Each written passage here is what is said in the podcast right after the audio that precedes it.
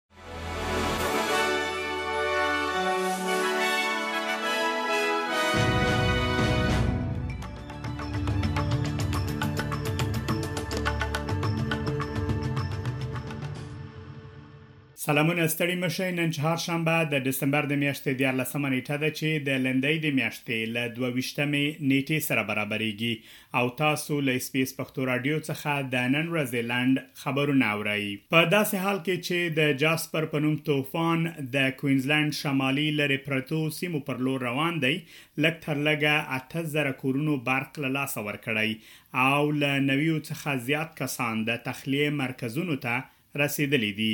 د هوا پېژندنې اداره وايي چې طوفان له ساحل څخه څه کم سل کيلومتره واټن لري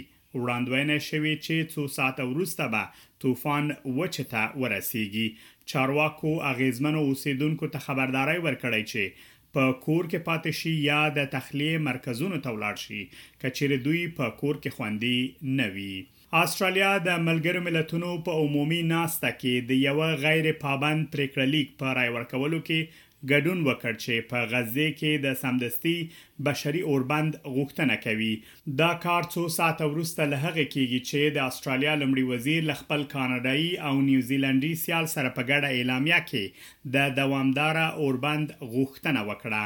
د ملګرو ملتونو د عمومي اسمبلۍ یو سلو درې نوي غړو د چهارشنبې په ورځ په غوڅ اکثریت د دغه پرېکړه لیک په حق کې رایه ورکړه.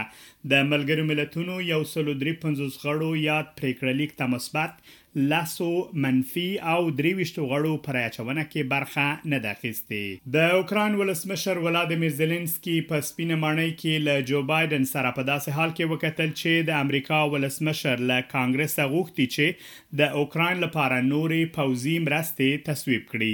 د اوکراین، اسراییلو او نورو امنیتي اړتیاوو لپاره د ښاغلي بایډن له خوا د یو سل او اووه شپېته میلیارده ډالرو د تمویل وړاندیز شوی قانون د جمهوري غوښتونکو سناتورانو له مخالفت سره مخ شوی چې د جرګې کنټرول په لاس کې لري.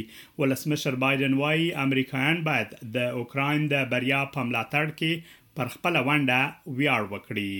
کورنیو ته خبرداری ورکړل شوی ترڅو د رخصتیو پر مهال د ماشومانو خوندیتوب ته پام وکړي ځکه چې دوی ډیر وخت په انلاین لوبو او د نورو ځیرکو وسیلو په کارونه تیروي.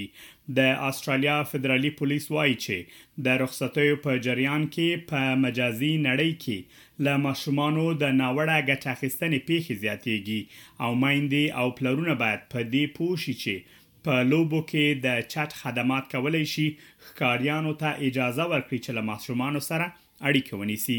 د ماشومانو د استحصال سره د مبارزې مرکز غواړي چې د دې مسئلې په اړه میندو او پلرونو ته پوهاوی ورکړي. ګوګل کمپنۍ په ټوله نړۍ کې د هغو شیانو لست خپور کړی چې سږ کال خلکو آنلاین لټولي دي، د حماس او اسراییلو ترمنځ جګړه، په سوریه او ترکیه کې زلزله او په اسټرالیا کې د بومیانو د ټولپوښتنې پایلې له هغو خبري موضوعاتو څخه دي چې په اسټرالیا کې یې خلکو په اړه معلومات لټولي دي. د خبري پېښو ترڅنګ اسټرالیانو د ورزش، فلمونو او شخصیتونو په اړه هم په انټرنټ کې معلومات لټولي دي دا وه د نن ورځي لنډ خبرونه چي ما مجيب منيب تاسو ته وړاندي کړل تر بيا مو الله مل شه.